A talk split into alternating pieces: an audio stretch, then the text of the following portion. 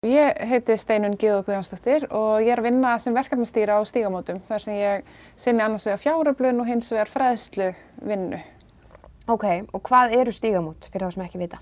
Stígamót eru græsrótasamtök sem að bjóða upp á ókipis aðstóð fyrir brotaþóla kynferðisofbeldis og samtök sem að berjast gegn kynferðisofbeldi og reyna að koma í veg fyrir það og svona að bæta samfélagið þannig að það sé betra fyrir brotaþóla.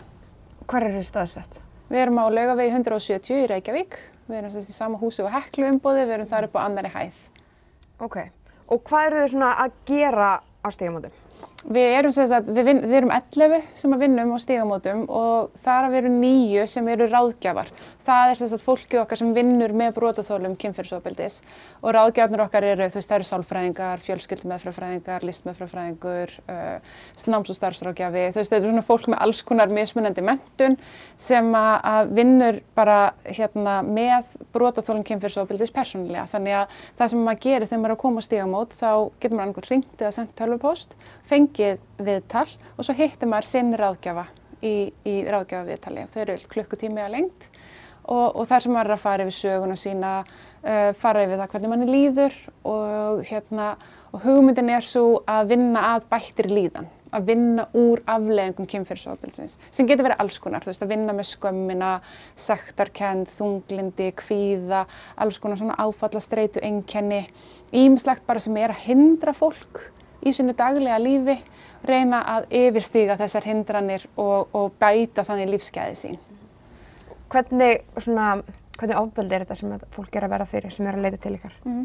Það er, hérna, það er almennt sér það kynferðisofbeldi og þar undir eru nöðganir, nöðgunar tilraunir, kynferðisofbeldi gegn börnum, sifjaspell, um, klám og vændi, mansal, um, kynferðisleg áreitni, Uh, já, þannig að í rauninu bara allt spektrumið af því sem er kynferðisofbeldi. Uh, þetta er oft, hérna, flestir koma vegna kynferðisofbeldis af hendi einhver sem er, þeir þekkja vel. Það er oft maki, fyrirverandi maki, kærasti uh, eða fjölskyldumæðlimur, hvort sem það eru blóðtengsl eða, eða stjúptengsl. Það er, það er oftast þannig, í, í þannig aðstæðum sem að kynferðisofbeldi verður en fólk kemur út af í rauninni bara öllu, alls konar, hvort sem það verður einhver sem þau þekktu eða ekki sem að beittu þau ofbeldi. Mm. Og hérna, já, um, sko 70, sko við tökum á móti sem sagt 18 ára og eldri já, á stígamótum. Maður þarf að vera, að vera orðin fullorðin, sagt, laglega fullorðin mm. til þess að geta komið til okkar. Uh, en 70% af okkar fólki var ekki orðið 18 ára því að þau urðu fyrst fyrir kynferðsofbildi. Mm -hmm. Þannig að langt flest af okkar fólki sem eru að leita ráðgjafar hjá okkur, þau sagt, voru börn og úlingar þegar þau voru beitt kynferðsofbildi. Koma síðan til ykkar bara setna meir Já. og hafa kannski ekki verið að vinna í sínum málum fyrir en bara flest hafa ekki verið að vinna í sínum mál. Þannig að flest af okkar fólki hefur ekki fengið aðstóð annar staðar. Mm. Þú veist, í gegnum barnavendakerfi eða í barnahúsi. Uh, heldur er þetta fólk sem hefur ek, yfirleitt ekki sagt frá ofbeldinu fyrir en setna meir. Mm. Þannig fólk eru ofta að koma árum og áratugum jafnvel eftir að, að hérna, ofbeldið varð. Akkur heldur að það sé? Um, ég held bara að oft er fólk ekki aðstöðu til þess að geta sagt frá ofbeldinu. Um, það er kannski hérna, ekki bara í aðstöðu heldur til að leita sér hjálpar, það er uppfyllt af skömm og sektarkend, uh, stendur einhvern veginn þegar trú á ofbeldi sér þeim að kenna, þau geta ekkert að þessu gert, uh, þau geta skilið, þau séu einskis virði, alls konar svona sem er allt afleðingar ofbeldisins sem að, að hérna, fólk er að burðast með. Og svo hérna um, Svo er bara mismundi hvaða er sem veldur því að loksins hérna, getur fólk leiðið sér hjálpa, það er ímislegt. Um, það getur verið að þau séu fluttað heimann, uh, það getur verið að þau séu kannski að fræknast barn mm. eða komin í fyrsta sambandi sitt, bara, bara oft eru einhverja breytingar í lífinu eða samfélagsumræðan. Einmitt. Við sjáum það mjög mikið. Já, þú veist, við sáum mikla aukningu hjá okkur eftir Beauty Tips byltinguna 2015, eftir að við fórum í okkar, eigið, okkar eigin herferð stittum svartnettið 2016, Me Too 2017. Við sjáum alltaf þegar það er umræða um kynferðsbrot í samfélaginu, þá ekst aðsóknuna stígum og þá eru svo fleiri fáið svona, ah, já, mm -hmm. nú ætla ég að, að segja frá, ætla að tala við einhvern, ég ætla að vinna í afleiðingunum. Það er kannski eitthvað þá sem að fólki fyrst hugreistandi við það að vita að það sé kannski eitt í þessum sporum. Algjörlega. Og hérna þegar fólk kemur stígum og þá byrjar þeir vel fyrst á að fara sérst í einstaklingsviðtöl. En síðan erum við líka með svona sjálfsjálfarhópa sem eru svona lokaðir hópar, fjórir til sex einstaklingar, reynum að raða fólki kannski á svipum aldri af sama kyni í, í hópana. Og það er útrúlega mikið beauty uh, við þessa hópa er að þarna hittir annað fólk, kannski aðrar stelpur á sama aldri sem eru með svipaða reynslu og allt í hennu bara wow, ég er ekki ein, ég er ekki eitthvað öðruvís en aðrir, það eru aðrir sem hafa þessu sömu reynslu og hérna og þá, þú veist, þannig að fólk sér oft ofbeldi í einhverju öðru ljósi þegar það heyrir einhvern annan lýsa því sem að, að, að kom fyrir það.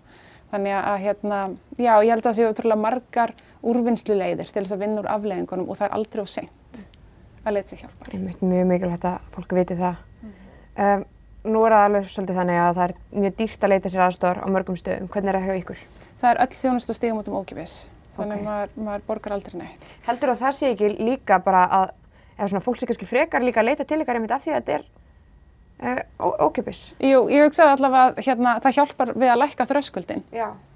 og, og við verðum að hafa það þannig vegna að það er samt nógu helvít erfitt fyrir marga að taka þetta skref, að lifta símtólun, ringja í stígamót Já.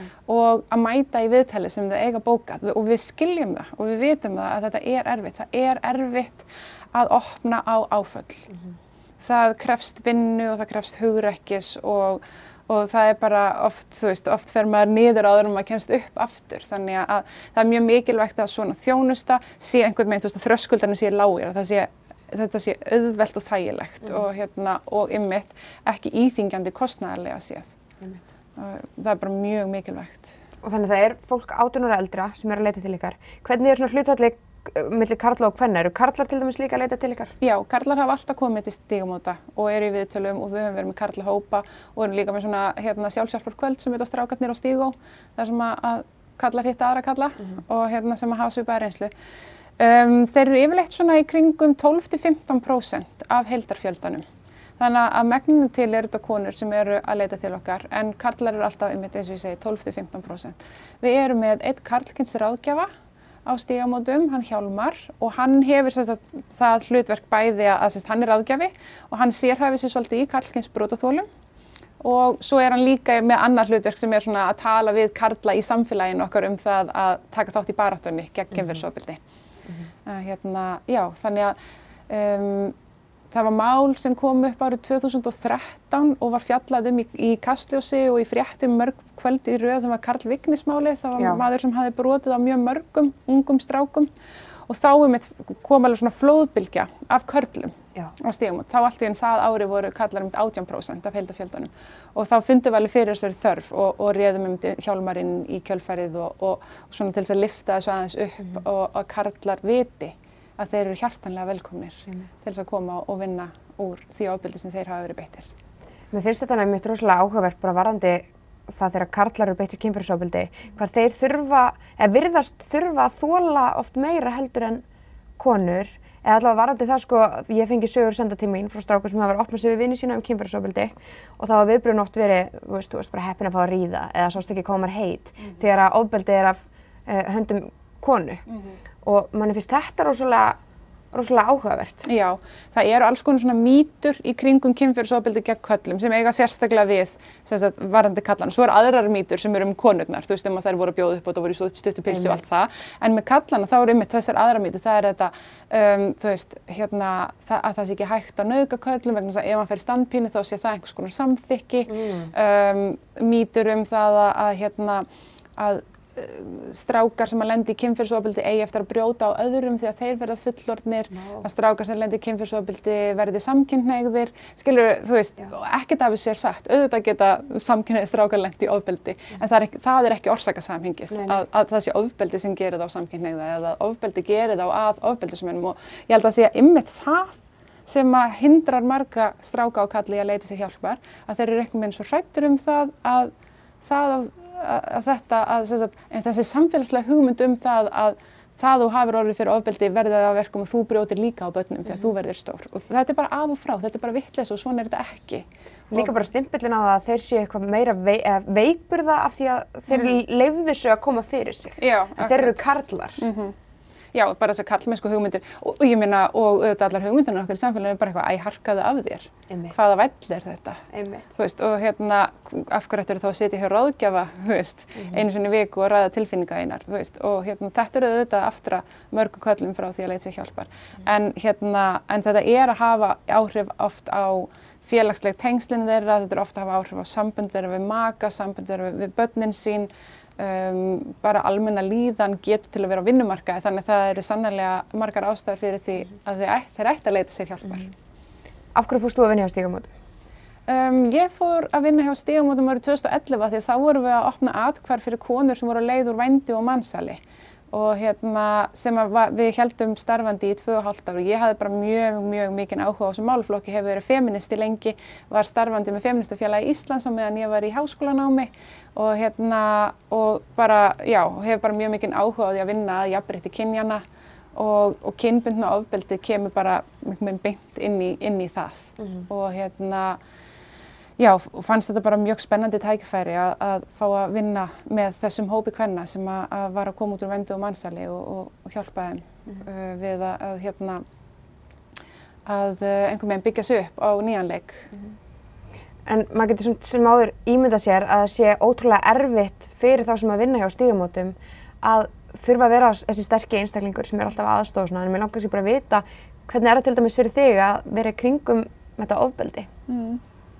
Sko, já, við hérna gerum okkur alveg grein fyrir því og sérstaklega ráðgjafarnir okkar sem setja inn í viðtalsherbyggjum með brótaþólum og heyra sögurnar þeirra og, og, veist, og heyra um tilfinningar þeirra alla daga.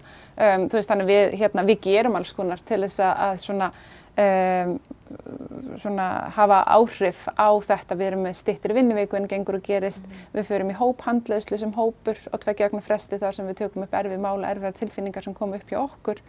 Uh, við erum all, öll með okkar eigin handleiðara sem er raunin sálfræðingar sem við ræðum við um þær tilfinningar sem getur komið upp í starfinu.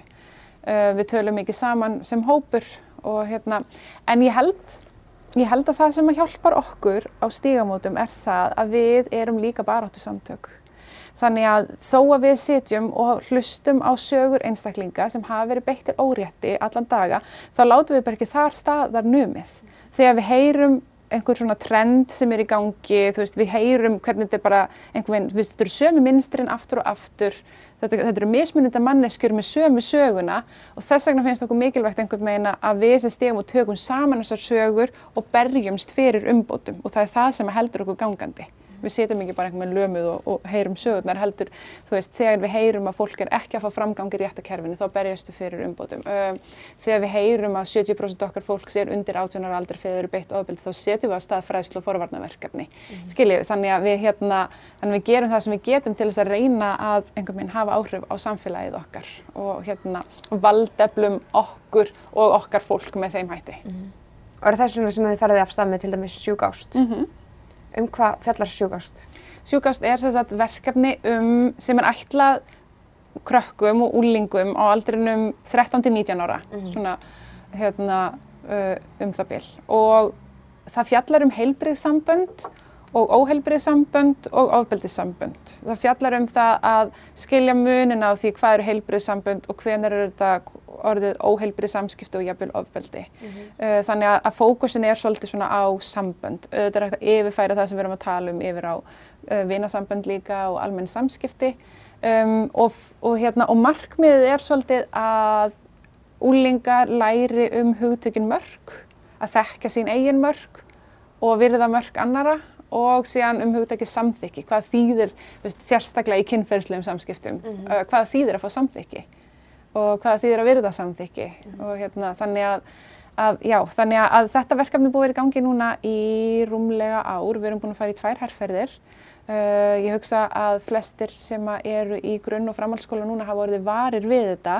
Það er plakkut frá okkur hangandi upp í öllum félagsmiðstöðum í landinu og öllum framhaldsskólum. Uh, þar sem við erum, við settum meðal annars upp núna plakkut með því sem við kalla sambandsrófið og hérna má sjá það á Instagram hérna, síðun okkar, sjúkást. Þar sem við erum að, þú veist, þar sem við erum að flokka niður svona ákvæmnar hægðanir þú veist, hvað er heilbrygt, hvað er óheilbrygt og hvernig er þetta komið út í ofbeldi. Og hérna, þannig við erum svolítið líka að setja fókusin á andlega ofbeldið, af því það er ekkert mjög oft uh, tala sérstaklega kannski skýrt og skilmerkilega um Mhm. það hvað það er. Og hvernig er það í samböndum oft, svona andlut ofbeldi? Já, hérna, ég held að vegna þess að sko sambund geta verið mjög ofbeldisfull án þess til dæmis að líkamlega ofbeldis í nokkuð tíma beitt. Einmitt. Og hérna, og til þess að maður skoðar það sem við höfum svona flokka sem óheilbreykt og það er allt svona, það eru auðvitað grásvæði, það er eitthvað skýra línur, þá erum við kannski svona það sem er svona sjúkleg afbrýðisemi, þú veist, uh, alltaf verið að tjekka hvar hinn aðilinn er, Mhm. svona tortrygni um, og hérna, já, svona stanslist svona, svona krafa um það að hinn aðilinn svari til dæmis alltaf skilabóðum, svari alltaf símanum strax. Uh, og síðan þegar við erum komin út í ofbeldið, þá er það einhvern veginn það þegar annar aðilinn stjórnar öllu í sambandinu. Einangrar til dæmis hérna, hinn aðilann frá vinum, fjölskyldu, talar illa um vini og fjölskyldu, kærastans eða kærasturnar um, hérna, er með svona eignarhald, segir svona hluti eins og uh, þú ert kærasta mín, þú átt að gera þetta. Einmitt. Hvort, þú veist, það getur verið, þú veist, uh, þú átt að fara með mér í bíó, ert ekki kærasta mín. Eða þú veist, þú átt að sofa hjá mér, núna erum við ekki par. Ha? Þú veist, þegar það komið svona eignarhald, bara að, að, að manni byrja skilda til að gera eitthvað bara þegar maður er í sambandi. Mhm. Mm, já, alls konar svona, þú veist, eða svona stöðugar niðurlægingar, gera grín að, að kærastanum með kærastunum fyrir framann, vini, allt þetta. Ég held að sé rosalega mikilvægt Mhm. að einmitt á þessum aldri að þessi samanburður sé til staðar. Já. Af því að oft er þetta bara þannig að þegar krakkar er einmitt að fara í sín fyrstu sambönd að þá, þá er ekkert svona, það svona viðmið. Nei. Hvenær er maður að fara yfir línuna og einmitt gott líka að sko maður átti sig á því að tilfinningarnar okkar, þetta sé eitthvað sem við getum reynd að hafa stjórn á og þetta sé ekkert alltaf bara komið til að vera af því bara því svona á þetta vera. Svona eru sambönd. Þannig mér finnst allavega, mér finnst það frábært verkefni hjá okkur. Og þið fóru, hvað, frættuð 4500 börn, eh, ólinga, það er Já. ekki að mér. Já, þannig að núna í ár, þá sem sagt, hérna fórum við í samstarfi Samfés sem eru samtök félagsmiðstöðu og ungmennahúsja á Íslandi og hérna það var búinn til fræðslupakki hjá okkur sem var síðan kynntur fyrir starfsfólki í félagsmiðstöðum og það var gert semst að skilirði fyrir alla krakka sem voru á leiðin á samfestingin við stóra samfélagsballið í lögadalsöllinni. Þau urðu öll að mæta á þessa fræðslu í félagsmiðstöðinu sinni til að fá miðan sinn.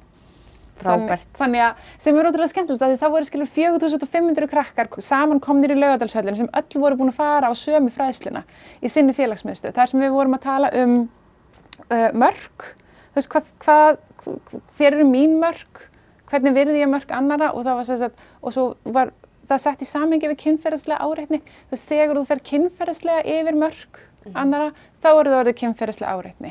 Uh, til dæmis að fara í sleik við einhvern sem að var ekki búin að samþykja það. Um, þú veist, auðvitað klípa í rass eða káfa eða senda ósamþygt kynferðisleg skilabúða, þú veist, dick pics og allt það. Um, já, þannig að það var þetta og svo svona aðeins verið að fjalla líka um samþykki. Og já, þannig að meðan það svolítið svona, og síðan voru sko úlingahópur sem var líka að vinna á stígamótum í, í vetur í hérna svona hópastarfi sem að var, uh, sem kallast úlingar gegn ofbeldi og þau voru síðan með fullt af skilabóðum á samfélagsballinu, voru með stór plaggut og myndbönd sem voru spiluð í rótarapásunum um þetta, um það að virða mörg. Ég held að sé rosalega margir sem hlusta á þetta podcast sem að hafa mitt farið á samfélag sem að innkendist af sleikeppnum og rassakáfi og eitthvað svona. Þannig ég held að, sko, mér veist bara, maður fær svo mikla svona von þegar maður heyri þetta. Núna 2019 sé þetta bara komið og þetta sé vonandi bara komið til að vera fyrir svona stór, svona, því stóra viðbyrðu og bara svona almennt hjá úlingum. Þegar ég var úlingur þá vissi maður, maður, maður kunni ekki þessi orð. Get ég sett mér mín eigin mörg? Er það ekki bara eitthvað svona almennt sem að, sem að gildir? um, og eins og sagði ráðan kannski margir eins og sem maður kannski þor ekki eða hafa ekki ennþá leitað til stígamóta sem hugsa til dæmis er ég að gera mikið úr þessu eða veist, var þetta mér að kenna alls konar svona? Er, er það ekki bara rosalega almennt bara að fólki finnst það kannski uh, það upplifir eitthvað að ykkur hafi farið yfir uh, bara mörg einstaklingsins en svona hlusta kannski ekki alveg á það því að samfélagslega kannski þyrfti að vera eitthvað meira til til að við myndi finnast það nógu alvarlegt. Akkurat. Ég held að, sé, ég held að þessi, þessi hugmynd að það að maður spái í sín eigin mörg, ég held að hún skipti ótrúlega miklu máli. að, hérna, að maður gefi sér tíma til að hugsa hver eru mörgin mín. Uh, og þá, ég meina, þú veist, þau geta verið, þau þróast og breytast auðvitað og, þú veist, og þá geta það verið til þess hver er mörgin mín með þessari mannesku, þú veist. Um, uh, og ég meina mörg snúað alls konar hlutum eins og til dæmis, ok, ef ég á kærasta, mm, langar mig að veist, verja öllum kvöldum með honum eða veist, langar mig í kvöld að eiga kósi kvöld með fjölskyldinni eða langar mig að fara í bíó, þú veist, með honum eða hérna, það getur mörg snúað alls konar varandi þetta kynlíf, þú veist, er ég tilbúin til þess að sofa hjá eða þú veist, er ég langar mig að fara í sleik eða hvers konar kynlífsatafnir er ég tilbúin til, stopp, til þess að stunda, þú veist, þannig að ef maður hefur gefið sér tíma til að hugsa um, hmm, þú veist, hver eru mörgum mín, Já. hvað finnst mér í lagi? Veist, er ég fæn með það að einhver klíp mér að sem, það getur bara vel verið að ég, mér finnst það allt í lagi. Einmitt. Þá veit ég það, skilur, þá er það mín mörg, kannski finnst mér það ekki í lagi. Þú veist, og þá, þá er ég kannski fljótar að bregðast við því og svona viðkenna það að þetta var ekki í lagi ef þetta kemur fyrir mig. Og skilja strax, hei, mm, þetta var ekki í lagi, nú að fara yfir mörgin mín. Veist, þá er maður fljótar að skilja, að, hm, þá, ég skil núna okkur mér líður illa yfir þessu. Nei og einmitt að líka bara meiga það sko, meiga líða illa yfir því þegar ykkur fyrir við mörkin og, og hérna meiga gera eitthvað í því. Að þurfi ekki að vera kurteis og, og alls konar svona sko. Mm Því ég held að margir er myndi upplifið það og, og eins og maður bara hefur bara að veita að þegar maður verður fyrir því að eitthvað fari yfir manns mörk að, að maður frjósi oft til dæmis. Já. En það ekki rosalega, rosalega algengt. Það er bara mjög algengt. Og ég minn sérstaklega þegar við erum komin út í kynferðsofbildi og nöðganir, það er bara mjög algengt að frjósa Já. og, hérna, og, veist, og, hérna, og gera ekkert og líða sig eins og maður hafi einhvern veginn brúðist rántu við í aðstæðunum. En hérna, mandran og stígamótum er alltaf svo, þú veist, öll viðbröð eru rétt viðbröð. Þetta er allt eðlileg viðbröð við óeðlilegum aðstæðum. Hvað sem maður kann að gera, hvort sem maður fröys, uh, hvort sem maður, eða hvort maður barðist á móti, reyndi að flýja, gerði ekkert, þóttist vera sofandi, bara allt eðlileg viðbröð við óeðlilegum aðstæðum. Ok. Hvar er hægt að leita aðstóðar annar staðar heldur en í Reykjavík? Því ég veit að þið eruð að fara einhvert um landið. Já, sko stígamót eru með ráðgjöf á Egilstöðum og Ísafyrði. Við erum búin að vera á Egilstöðum síðan 2012 og við erum búin að vera á Ísafyrði síðustu tvo vetur og hérna uh, þannig að ef að fólk er á þessum stöðum á landinu þá, getur, þá ringir það bara í stígamóti og sendir okkur tölvupost og bara bókar viðtal alveg svo að væri að bóka viðtal þú veist í Reykjavík, þá það bara bókuð hjá ráðgjáfanum okkar þegar hann er fyrir austan eða fyrir Ok. vestan. Um, síðan eru, uh, ef maður er á Norðurlandi, Akureyri, þá getur maður hérna fengið aðstof hjá Aflinu sem eru lokal samtök þar og þau eru með heimasíðu, heimasíðu held ég sem er að að fá nánar upplýsingar. Ok. En hvernig er þetta ef þú ert ekki orðin átján uh, og vilt leita þær aðstóðar strax, hvernig er hægt að snúa sér í því til dæmis? Já, um, þá er það í rauninni sko barnaverndarkerfið sem á að hjálpa. Þannig að hérna krakkar sem að hafa lendi í, í kynferðisofabeldi, þau, þeim býðst uh, að fara síðan í barnahús og þau fá rosa fína hjálp í barnahúsi, hitta sálfræðing og fá svona í rauninni, þú veist, fá ráðgjöfa við töl og sumir taka þátt í hópastarfi og svona. Um, þannig að ég held að, ég held að sko, ég að sé mikilvægt að reyna að finna einhvern fullorðin aðala sem að maður manni líður vel með að tala við. Uh, sem er til dæmis kennari eða námsráðgjafi í skólanum, þeir þekkja leiðirnar, þeir vita hvað á að gera. Eða foreldri ef, að, ef að aðstæður eru þannig, ef það er ekki ofbeldið inn á heimilinu sem er vandamálið, heldur einhverstur annar staðar. Og, hérna, og þá eiga þessir fullorðna aðalar að hjálpa manni að koma málinu réttan farveg. Allir krakkar geta líka alltaf hringt í 112 og fengið samband við, við barnavendastarfsmannin í sínu sveitafélagi. Veit þetta hljómar, eitthvað pínu svona stopnarnakent og eitthvað flókið, en það, þetta er það sem allir krakkar eiga rétt á. Hvernig geta þess, hvað geta þið sagt í síman til dæmis? Ef, ef að ég væri 15 ára og, og ég væri beitt ofbeldi og mér langar að ringi eitthvað og tala við eitthvað og ringi 112 og hvað get ég sagt? Já. Um, maður getur bara hringt í 112 og það er bara svara þar. Þá getur maður sagt, hæ, hérna, þú veist, ég, ég held að ég hef orðið fyrir ofbeldi. Hvað á ég að gera? Ok. Og starfsfólkið á, á neðalínni eða einn en tveimur á að vera þjálfað í því að, að senda svona samtöl áfram til barnavendar í því sveitafélagi sem maður býr í. Þannig að maður þarf líka að segja, skilur, hvar maður býr á landinu. Og, hérna, og þá, fær maður, þá á maður að fá samband við réttan aðalega ef ég skil kerfið rétt. Ok. Þannig að hérna, uh, og barnavernd uh, vinnur að því að vernda börn. Það er þeirra megin hlutverk og þau hjálpa krökkum sem að líður illa og vernda þau fyrir ofbeldi. Manni finnst oft sko bara svona orðræðin í samfélaginu um barnavernd Já. vera svolítið bara leiðileg og slæm uh, og manni finnst maður kannski oftast heyra dæmin þar sem kannski eitthvað klikkar eða eitthvað fyrir úrskeiðis en almennt séð, eins og segir, er þá ekki bara einmitt barnavernd að vernda börn? Jú, það er megin hlutverki og, og, og sko flest af því fólki sem að við hittum á stígamóti setjum með sem hefur farið í gegnum barnahús beraði góða söguna. Uh, þannig að, hérna, þannig að það er, er hjálp að fá Já. og hérna, þannig að, að ef að krakkar treysta sér til og vilja fá hjálp þá, þá eiga þau rétt á því. Ok. Þið skrifuðu hérna á Facebook fyrir svona viku síðan uh, að þá vikuna hefði verið skráð 85 viðtal hjá okkur, samt voru þrý ráðgjafar hjá okkur í fríi, þannig að það voru sem sé 85 einstaklingar sem komu til, til ykkar þessa vikuna til að vinna úr afleggingum kynfyrirsofbildis og þið trúið þeim öllum. Stigum að það hafa alltaf verið og muni alltaf vera greiðarstæði fyrir brotaþóla kynfyrirsofbildis, hvort sem ofbeldismennir eru dæmdir eða ekki. Akkur er mikilvægt að undirstryka þetta að þið trúið, trúið öllum? Að vegna þess að, fólk upplifir það bara uh, almennt séða að, hérna, að fólk, að, þú veist, það er bara vandamál fyrir brotaþóla kynfyrirsofbildis að, þeir- upplifa ofta þeim sé ekki trúað. Já.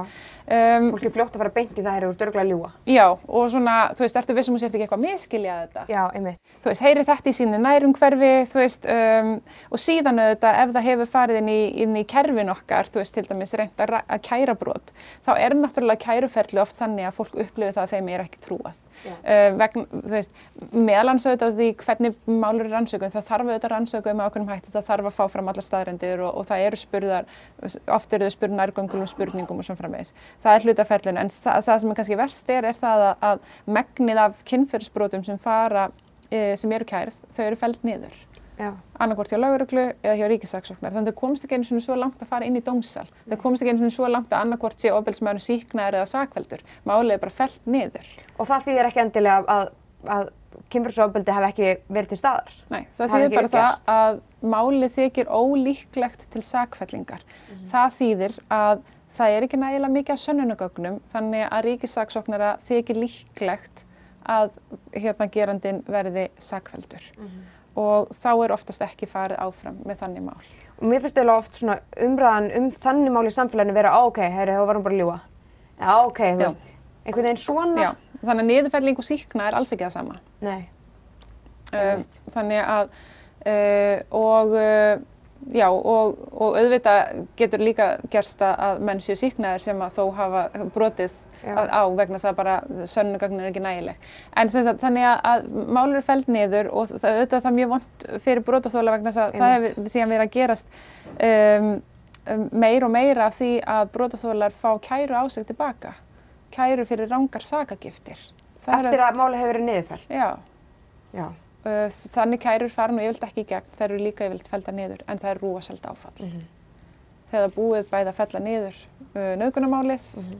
Og síðan færið á því kæru tilbaka fyrir, það Frá að einstaklingnum sem Já. beittið í kynfyrsofbeldi. já, fyrir að vera að ljúa. Já. Það er þetta rosa skellur Mhm. og hérna, þess vegna ítryggum við það. Þegar fólk kemur til okkar þá er það komið á þeim forsendum að það ætlar að vinna úr aflegum ofbeldis. Og af hverju ætti fólk að koma til stígamóta og vinna úr aflegum ofbeldis sem ekki gerðist? Þú veist, það er bara engin ástæða fyrir fólk til þess að koma og setja inn í viðtalsherbyggjum með okkur í einhverjum skonar ráðgjafaviðtölum og tala um eitthvað sem gerðist ekki. Nei.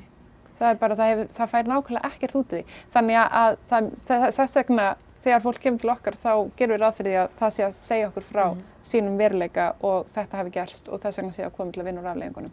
Mann finnst maður líka oft bara að bara samfélagi gleyma því sko hvað kynferðisbróð sem eru framin eru raunverulega mörg. Já. Þetta er ekki bara eitt og eitt dæmi. Ég meina, jú, maður sér, þú veist, bara brotin sem að fara alveg í gegn og sem enda bara með, þú veist, að einhverju dæmdur segur.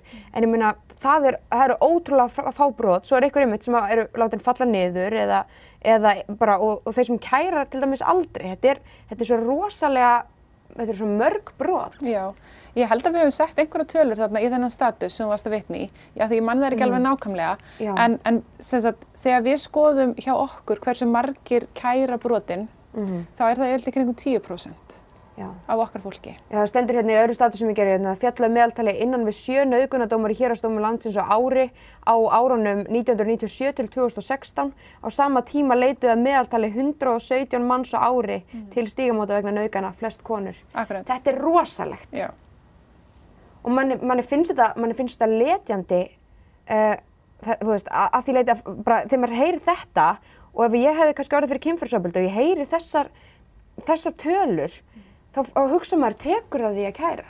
akkurat.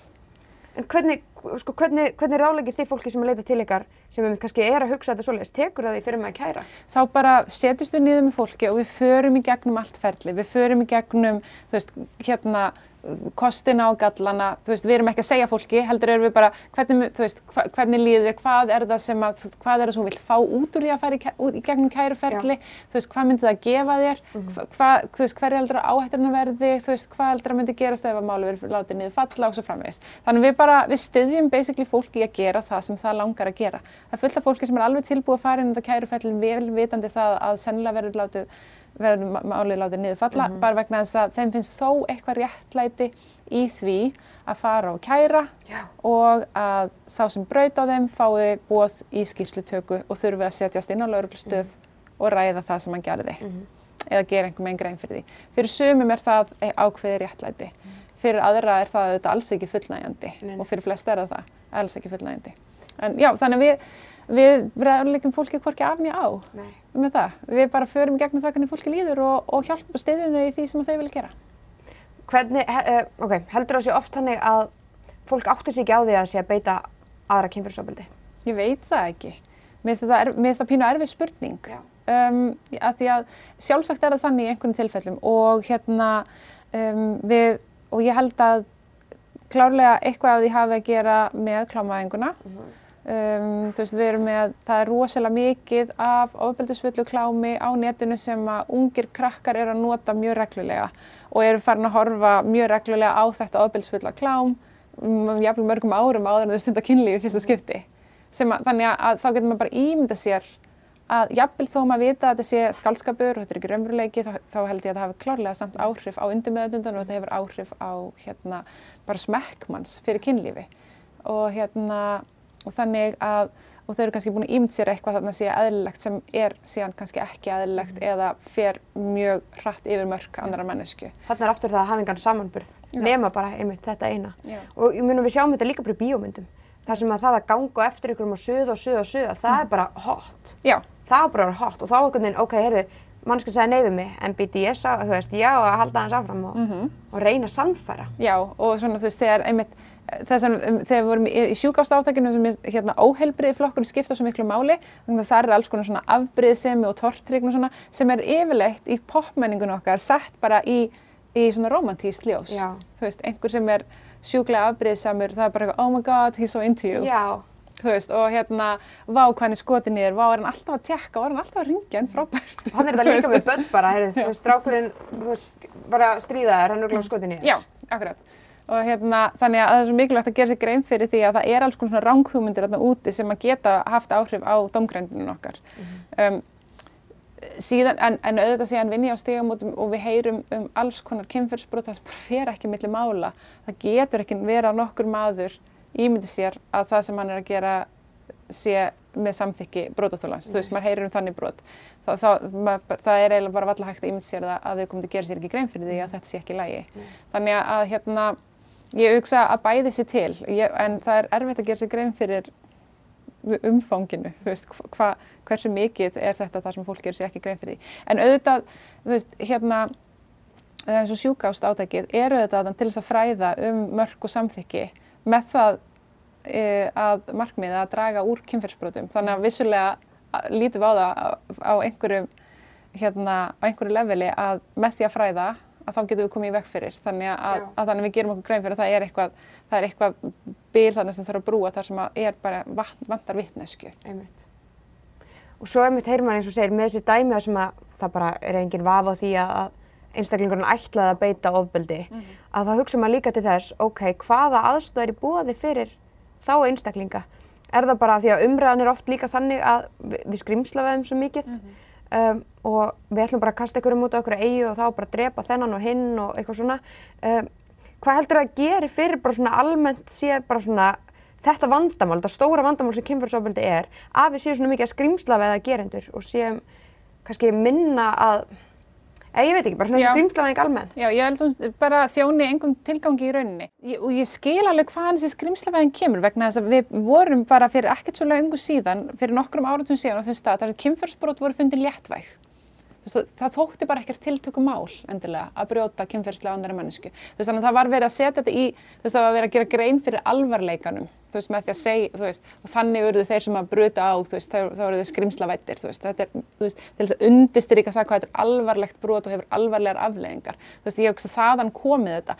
En í dag, með það að þessi skrimslavæðing, ég held að hún geri ógagn fyrir brotaþóla vegna þess að þeir eru oft breyttir kynferðsofbeldi af fólki sem þau elska.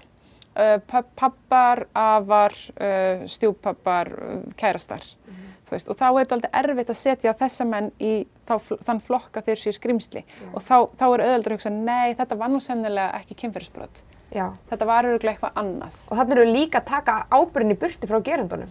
Já og hérna, einmitt. Og, hérna, og, og síðan held ég að, að þessi skrimslavegin geri einmitt líka gerundum erfiðar um vik að taka ábyrð algjörlega. Að hérna vegna það er einhvern veginn búið að setja þetta í einhvern þannig flokka þeir séu sko þar með einhvers konar úrraug sem er útskúð úr samfélaginu. Um, Geti aldrei verið betri. Nei, geti aldrei verið betri.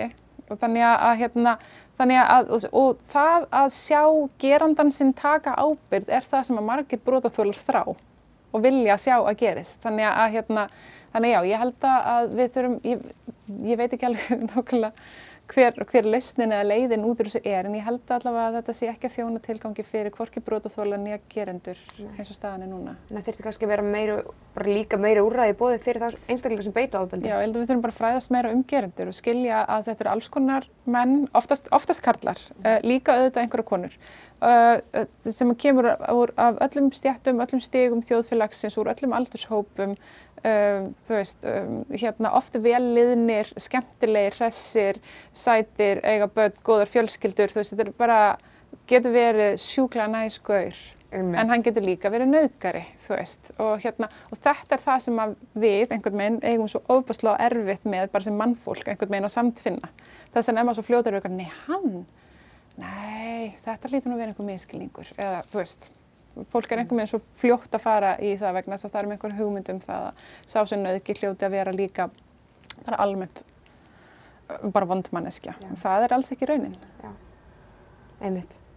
Á fyrirlasturinn sem ég var að fara með núna í skóla síðustu manni, mm. þá var ég alltaf að bauða upp á nafnlösa spurningar í lokin og ég fekk ymsar spurningar einmitt sem að kannski svona, já, einkendist að eitthvað svona marka leysi annara og þetta voru sko 13 ára til 15 ára, 16 ára krakkar sem var að spyrja með þessu. Mér langar kannski svolítið bara að fara yfir það mm -hmm. uh, og það til dæmis hérna hvað ég að gera ef ég er í óheilbröðu sambandi og það er of erfitt að hætta með görnum að því að hann kemur alltaf með hótun. Já. Þú veist, maður veit ekki hvers konar hótun það er en, en mm -hmm. maður getur ímyndað sér alls konar. Já.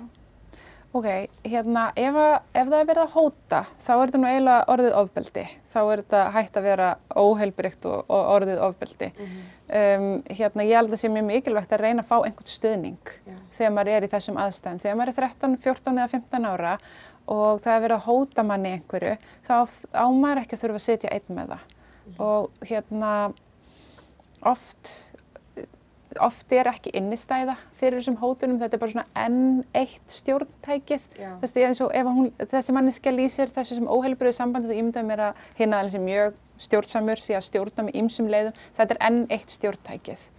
Og hérna, um, já, ég hugsa að það að fá stöðning til þess að slíta sambandinu hljóti að vera mikilvægt. Og hérna, Já. Er þetta ekki líka kannski bara þegar er komið á þetta steg að þegar vera að hóta alls konar svona þegar maður er að reyna að koma sér út úr því, mm. er það ekki bara merkjum það að þetta sé mitt samband sem er ekki að fara að ganga upp fyrir kannski einstaklingurinn að búin að vinna í sjálfum sér? Já, þetta samband eru alveg örgl, ég meina að vera í sambandi bara þegar maður er hótað, það er ekki, ekki grundvöldur fyrir gott Nei. samband, það er alls í ólíklegt að þetta verði að einhverju heilbröðu sambandi. Þannig að ég hugsa bara því fyrir því betra að reyna að koma sér út úr því. Mm -hmm en hérna, það, ég skil að þetta getur verið mjög snúnar aðstæður. En svo kannski er mjög gott bara að, að undirstryka það því það eru margir sem eru mitt í samböndur sem að enginnast af alls konar ofbeldi, hvernig mm. sem ofbeldi er, að það sé mitt leið út úr því. Já, akkurat. Og þetta þurfi ekki alltaf að vera svona, um, mm. sé til eitthvað betra aðna annar staðar sko, Já. en einmitt bara þetta byggjum hjálp. Já, fá einhvern, einhvern stuðning einhver staðar. Já. Og hérna, maður þarf ekki að vera einn með þetta. Nei. En þarf maður að viðkenna það ef manni var nauðgat eða segja frá því? Nei, maður þarf ekkert að gera það. Ég held að það sé mjög mikilvægt fyrir fólk sem hefur upplifað nauðgun að vegna þess að það sem maður upplifir við nauðgun er það að það er allt vald tekið af mann og öll, þú veist, maður missir stjórn á öllu. Og þess vegna held ég sem er mikilvægt í, í framhaldinu að maður fái bara sjálfur stjórn á ferlinu, Já. líka þó að maður sé ungur.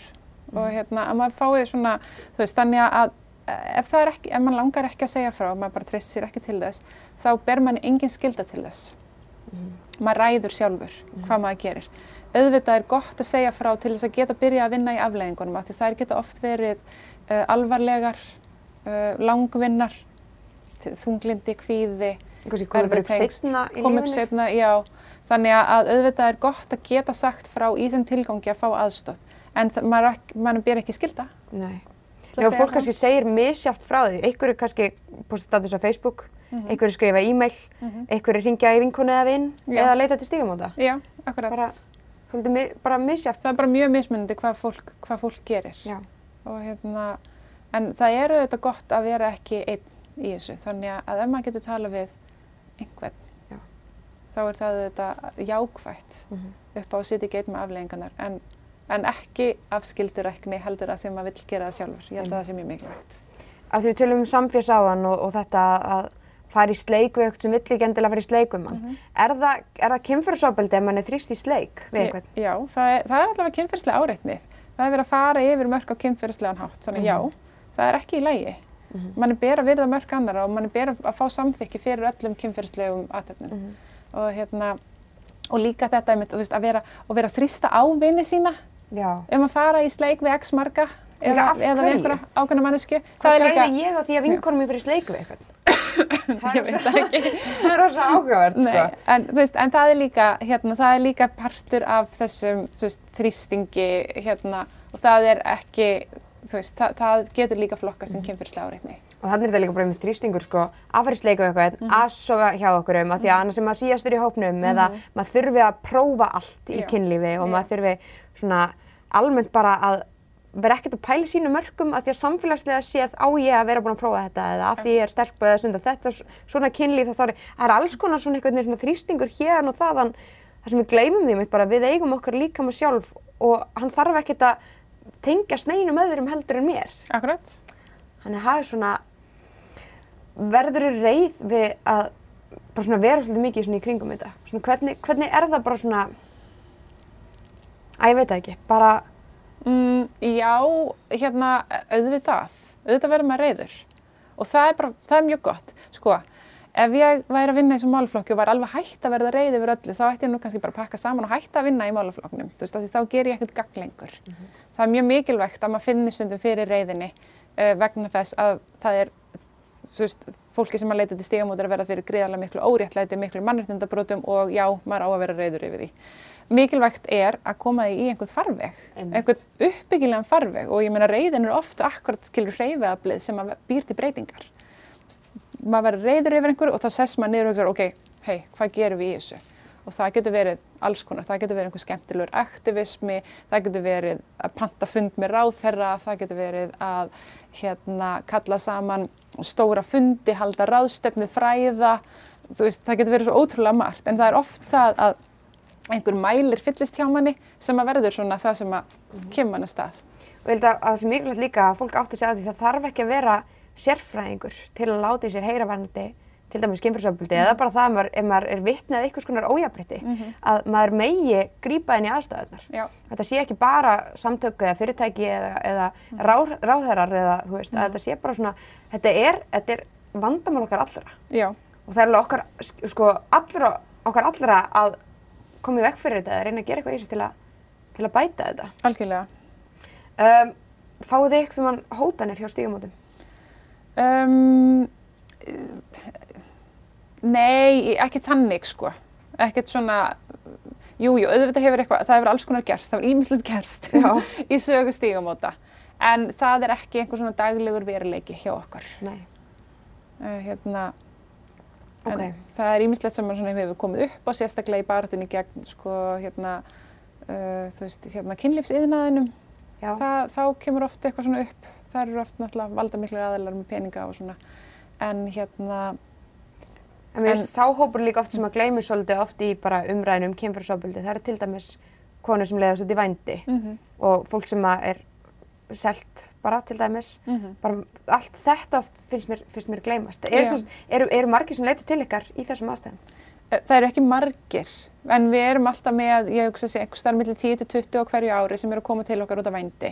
Á fallega Íslandin okkar. Já, já. Og það eru þetta bara brota brot af þeim sem eru í vændi á Íslandi vegna þess að hópurinn sem við erum að ná til er fyrst og fremst íslenska konur sem að tala íslensku og geta nýtt sér ráðgjaf þjónustun og stígum út um búa hérna og er í þannig aðstæðum að þær geta farið að vinna sér út úr vændinu. Stó, ég hef hugsað nú að stærsti hópurinn af þeim sem er í vændi á Íslandi séu erlenda konur sem að koma og staldra stutt við. Þær sjáum við afar sjaldan á stígamótum. Þannig að, hérna, og uh, já, Ok. En mitt minnst bara svo mikilvægt að, að undirstryka þetta sko hvað, hvað vændiskaup í raun og veru er. Já, já, og að- að Og svona borguð- borguð ég nauðgun. og vart í því. Já, Já, einmitt. einmitt, borguð nauðgun. Mér finnst það bara, já, gott að undirstryka það. Vera, mér finnst ofta í umræðinu vera svolítið mikið að leita að, að hamingisömu vændiskonunni. Já. Sem að upplifa bara, er að lifa fullkomnu lífi, valdi þetta sjálf og þess vegna megum við kaupa hérna afnátt af líkamennar. Mm Akkurat. Það getur vel verið að það sé til, Mhm. það, að það sé til hamingisum vændiskonur. Það er bara ekki, við getum ekki lift því upp á kostnað allra hinna sem er verið að brjóta á, sem er verið að flytja nauðugar millir landa, verið að selja í vændi, sem eru ungar langt frá því að vera orðnar 18 ára, sem eru koma frá brotnum aðstæðum, um, eru háðar fíknefnum, skilur, það eru oft hóparnir sem eru í vændi, vegna þess að það er eiga angra annar að kosta vel. Og mér finnst þetta einmitt líka bara svona að lenda í því að kaupa, maður hefur séð þessa umræði í fjölmjölinu líka þegar við erum að ræða um vændi, sérstaklega hérna, hef maður hefur heyrt þetta, hérna á Íslandi, bara einmitt þetta, þú veist, hvernig aðstæðinu gæti verið hjá kaupandunum, æ, ups, það var svo erfitt hjá mér og þannig ég endaði í því að þurfa að, að kaupa vændiskonu. En Já. bara svona, þú berð algjörlega ábyrð á því. Já, og ég vil alveg hvetja sérstaklega, sko, þú veist, íslenska stráka og kalla til þess að hugsa um það þegar þeir eru erlendis og eins og í útskriftaferðum og í öðrum svona djamferðum, ekki kaupa vændi heldur þú sért í útlöndum. Það gilda nákvæmlega sömu lögumál þar, þó að gilda ekki sömu lög, en það gilda Einmitt. yfirleitt sömu lögumál þar að konurnar sem eru í vændinu eru oft koma, eru ekki þarna af, sko, þetta er ekki frjálst val eða hérna það að þær hafi kosið að vera þarna. Nei. Og það að hún brosir til þín er ekkert merkjum það og hún vilji freka vera þarna. Nei. Bara svona, einmitt. Uh, hvernig getur maður verið til staðar fyrir vinkonu sína sem hefur verið beitt kynfyrirsofbeldi? um, ef hún er að segja frá og tala um þetta þá skiptir mjög miklu máli að segja já ég trúi þér og, og hérna og mér finnst ömulegt að þetta hafi komið fyrir þig leiðilegt að, að það, þú hafi þurft að- að lenda í þessu og hérna ég held sér mjög mikilvægt bara að, að hlusta á það sem hún hefur að segja ekki taka ráðinn af henni ekki, þú veist og hérna oft getur maður auðvitað sjálfur fylst opaslega mikill reyði, sérstaklega gagvart gerandanum Fólki sem maður elskar. Já og hérna, þú veist, ég held að sé mér mikilvægt bara einhvern veginn að, að, passa sig að taka ekki ráðinn af manneskunni. Ekki fara að segja, herðu, þú þarf nú að fara og kæra þetta, ertu ekki búin að kæra þetta til lögregla sem, sem dæmi, eða þú veist, eða hérna, þú veist, segja eitthvað um, um gerandana, þú veist, að taka sjálfur til dæmis ákvörðun um það, herðu, nú verður honum útskúur vinahópnum eða eitthvað svo leiðis. Ef, að- að brotaþólinn er að byggja um það, að hérna, að vinahópurinn kannski sé sagt, sé safe space fyrir, fyrir hana og, og hann sé þá ekki velkomin þá er það, það er alltaf öðruvísi heldur en ef að vinahópurinn tekur upp hjá sjálfu sér einhvern veginn að taka af henni ráðun og ákveða hvernig þetta er að vera. Já. það er mikilvægt að brotaþólinn sjálfur ráði ferðinni. Þetta, þetta er það sem kom fyrir, fyrir þe- þessa mannesku og hún verður að ráða í hvernig, hvernig þetta gerist. Þannig að hérna, já, eh, trúa hlusta eh, þú veist, hérna, sína samkend Mhm. Og, og spyrja hvað hún eða hann vilji gera Ok. varðandi þetta Ok. og styðja í Eh, því. Það var hérna úlingur sem sendið mig þetta. Ég brotnir alltaf niður þegar ég þarf að segja nei við kærastan minn þegar ég vil ekki meira. Er það ránt? Nei, það er eins og ég, ein- einmitt, sko, öll viðbrögð eru, eru eðlileg og hérna, um, ég er ekki að segja, sko, en ef, ef að viðkomandi brotnar niður við það að segja nei og getur einhvern veginn ekki komið uh, því til skila uh, og farið augljóslega að líða illa, þá finnst mér nú eiginlega þessum kærastætti að láta sér amt um manneskuna Já. og hérna taka eftir því hvernig kærustunni líður. Og hérna, En ég sér líka bara þarna almennt bara í lífinu þegar við erum að segja nei við fólk að Mhm. þá eru svo margir sem að upplifa sig bara og er í vond manneskja. Já. En það gerur okkur ekki vondu manneskjum að segja nei og sama í hvað samingi það er en að mega bara fá að ákveða fyrir okkur þótt þessi, þótt þessi kærastun okkar. Já, akkurat. Þú veist, ég, ég er með ykkur í sambandi að því ég elska manneskjuna Mhm. en ég, ég skulda manneskjuna ekki neitt. Skuldar henni ekki neitt. Veist, þannig það er bara, það Og- er bara, Og ef þetta er gott samband, þá vill kærastinn að kærustunni, ef þetta er gagginleitt samband þarna, Mhm. að, hérna, að, að henni líði vel. já, Hann vill fá að heyra það einmitt. ef að, ef að hún vill ekki ganga lengra. Það er merkjum heilbritt samband. Það er merkjum Já. heilbrið samband. Ef að, ef að kærastan þarna í þessu tilfelli eru upplifað þannig að hann, hann get ekki heyrt og vilji ekki heyra það, þá er sambandið kannski ekki alveg á nægilega styrkum fótum og þá mættum við kannski bara endur skoða alveg sambandið frá grunni. Ok. Um, það var sendað mig stelpa hérna, uh, það var kall sem að starði á mig meðan hann fróaði sér í lest. Er það kynferðislegt áreiti? Sko, mér finnst þarna bara að við séum að, við séum að setja spurningamerki við það. Já, Er það kynferðislegt áreiti? já það er kynferðislegt áriði. Bara, og ég, veistu, þe- þetta er ekki einu sagan sem ég fengi sendið með þetta. Nei, nei. Sko, að einhverju einstaklingar, einhverju kallar séu að, ki að kippa í kynfærin á sér fyrir framann börn í strætóum og löstum. Hvar fóru við úrski, eða hvar, hvar fóru við út á brautinu? Þetta er bara, bara hvað gerðist? Akkurat. En ég, og ég, ég held að þau, sem eru að spyrja það þessu, ég held að þau viti alveg einstinni. Þau, þau vita já. sjálf alveg svari fyrir sig, Þau bara upplifa þetta líka. Þau vilja fá staðfestinguna og hérna vilja einhvern meina að við ræðum þetta. Það öll viðbröð við þessu er líka eðlileg viðbröð. Þú veist, þó að manneskjan hafi setið þarna og hann er þarna að gera þetta og þú gerir grein fyrir þetta ekki lægi, þá ber þið til dæmis ekki skilda til þess að segja við hann hættu þessu Nei. eða þér ber heldur ekki skilda til að standa upp og lappa í burtu þau kannski getur verið þannig aðstæðum að þér finnst það ókveikjandi þú veist þannig að þú situr bara og lætur þetta yfir þig ganga og það er bara alveg eðlilegt það er líka allt í læg og hérna þú veist Algjörlega. þannig að hérna maður heldur ekki sko skamma sjálfa sig fyrir að hafa ekki brúðist rétt við Já. ef að þú veist ef að það var einhver dónakall einhvers þar að gera þetta að, að brjóta sagt, að að áreita og, og brjóta kynferðsla á einhverjum öðrum.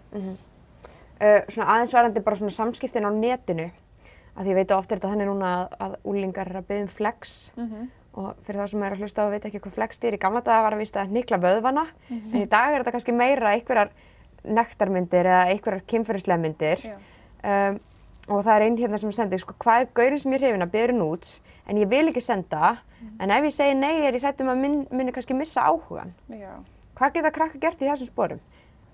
Mér finnst þetta, sko, mér finnst það bara klárlega vera þannig að ef einhver myndi sé að missa áhugaður, ef einhver sem er að þrýsta á þig að senda Mhm. nektarmyndir og einstaklingun hefur síðan ekki áhuga að þú varst ekki til í það, Mhm. þá er það bara einstaklingur sem þú þarft ekki að vera að eyða tíma í. Mér finnst það alveg fyrir eitthvað borðlegjandi. Já. En ég skil það vel þegar maður er ókslega skotin í einhverjum og Já. langar ótrúlega mikið að, að fá, þú veist, aðteglan á áhugan hjá henni manneskun að manni finnst þetta uh, erfitt. En, en ég, ég tek samt algjörlega undir það eins og þú orðar þetta. Ef, að, ef við komum til manneskja vill ekki neitt með því hafa nema og sendir djarvar myndir eða nektarmyndir eða eitthvað, þá er það kannski bara ekki þess virði Nei. að eyða tíma sínum í þá mannesku. Og bara úlingar vita að þeir þurfi ekki að senda nektarmyndir af sér frekar en þau vilja. Akkurat. En ef það, ef það er áhugi til staðar og það er samþykki til staðar, að þá er aftur á móti líka allt í lagi ef þau vilja segja gera það. Algjörlega. Og það sama á við með, með, hérna, með alla sleikana á samfélagsballinu. Ef þið langar að fara í tíu sleika, þú veist, sleiki á, á, á samfélagsballinu, Já. bara endilega. Þetta bara Algjörlega. alveg vissum að þessir tíu sem að fara í sleik við séu búin að gefa samþykki og séu líka til í þetta. Algjörlega. Þú veist, þetta snýst algjörlega um þetta, þetta snýst ekki um það að þú er að hætta að gera eitthvað, er að hætta að senda njúts eða hætta að fyrir sleik eða Hættu eitthvað. svona kynlíf. Þú veist, Bara, allt nei. þetta er, getur alveg verið bara mjög skemmtilegt og gaman, en þú veist, það skiptir bara svo miklu máli að maður sé bæði að virða sín eigin mörk og mörk annara í, í hérna öllu ferlinu. Mhm, algjörlega. Um, annað varandi það bara eins og þessar hótanir sem að maður hefur verið að heyra varandi bara það þegar að maður er í sambandi og eins og til um áðan að þá var einn hérna sem senda á mig er búin að lenda í stelpu sem þykist alltaf fremja sjálfsvík vegna þess að ég vil ekki byrja með henni aftur. Gladur að vita að sé vera fræðum svona dót. Ég held að sé margir í þessu sko. Þú veist, ég meina ástasorg er bara eitt erfiðast sem fólk fyrir gegnum og það er bara, þú veist, að ég veit það ekki, að fólk upplifir alls konar tilfinningar og ég get ekki lifað lengur ef að þessi mannski hættir með mér og eitthvað svona. Hvað finnst þér bara svona um þessar aðstæður? Hvað er þetta að gera?